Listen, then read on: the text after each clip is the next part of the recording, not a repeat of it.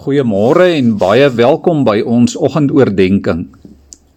Dit is die maand Oktober, die mooiste mooiste maand. Dan is die dag so helder, so groen is elke aand, so blou en sonder wolke, die hemel heerlik bo, so blomtuin vol van kleure, die asfal ou Karoo. Dit is die maand Oktober. Die akkerboom is groen, Die bloekoms langs die paaie is almal nuut gebloem. En oral in die tuin rond ryk jy se ring en roos, jasmiin en kytjiepiering, lemoen en appelkoos. Al was die dag soos eyster, lank in die vuur gesteek. Die varings in die klofies deur hitte geel verbleek. Tog as die son daaronder agter die berge gaan, dan word oor heel die wêreld die mooiste geur geslaan. Dit is die maand Oktober, die kokkewiet is uit. Boomsingertjies en krietjies, die hoor jy oral fluit. Fiskaal is op die oorlog, daaronder by die sluys. Daar is 'n dor ou doringboom, sy spens en sy kombuis. Dit is die maand Oktober. Ek dink die mense vier vir ewig in die hemel Oktober maand soos hier.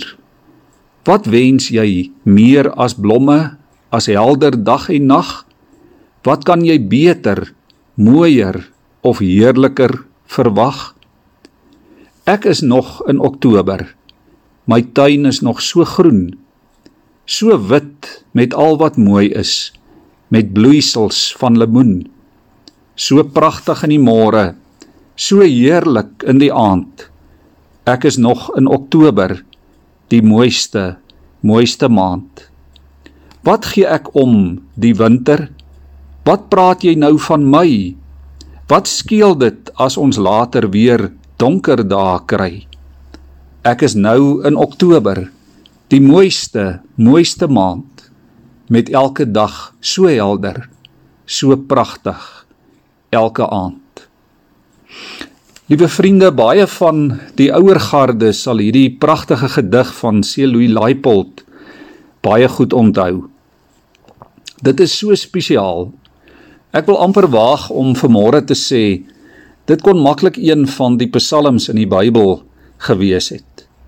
Dis 'n gedig wat vertel van hoop, van lewe, van groei en van 'n hemelse vreugde wat ons in hierdie mooi van hierdie aarde en in die natuur kan sien en kan ervaar. Die digter dink nie aan die koue winter nie. Hy's nie bekommerd oor moontlike donker dae wat dalk mag voorlê nie. Die mooi van Oktober gryp hom aan. Die pragtig van hierdie dag is al wat vir hom belangrik is. Ek weet vanmôre daar is vandag baie mense wat moontlik nie rede het om vol vreugde te wees nie. Hulle wat te geliefd aan die dood afgegee het. Ander wat arm of sieklik is en sukkel om te lewe. Ander wat dalk bekommerd of bang is. Hoe troos ons en hoe help ons mekaar op die 1 Oktober van 2020 aan die begin van hierdie mooiste maand van al die maande? Daar is net een bron. Daar's net een bron van troos en hoop en dit is in God ons Vader, deur Christus ons verlosser en deur die krag van sy Heilige Gees. Deur sy ewige genade sien ons reg in die middel van hierdie pragtige gedig hierdie een enkele besondere reeltjie raak met die woorde ek dink die mense vier vir ewig in die hemel Oktober maand soos hier.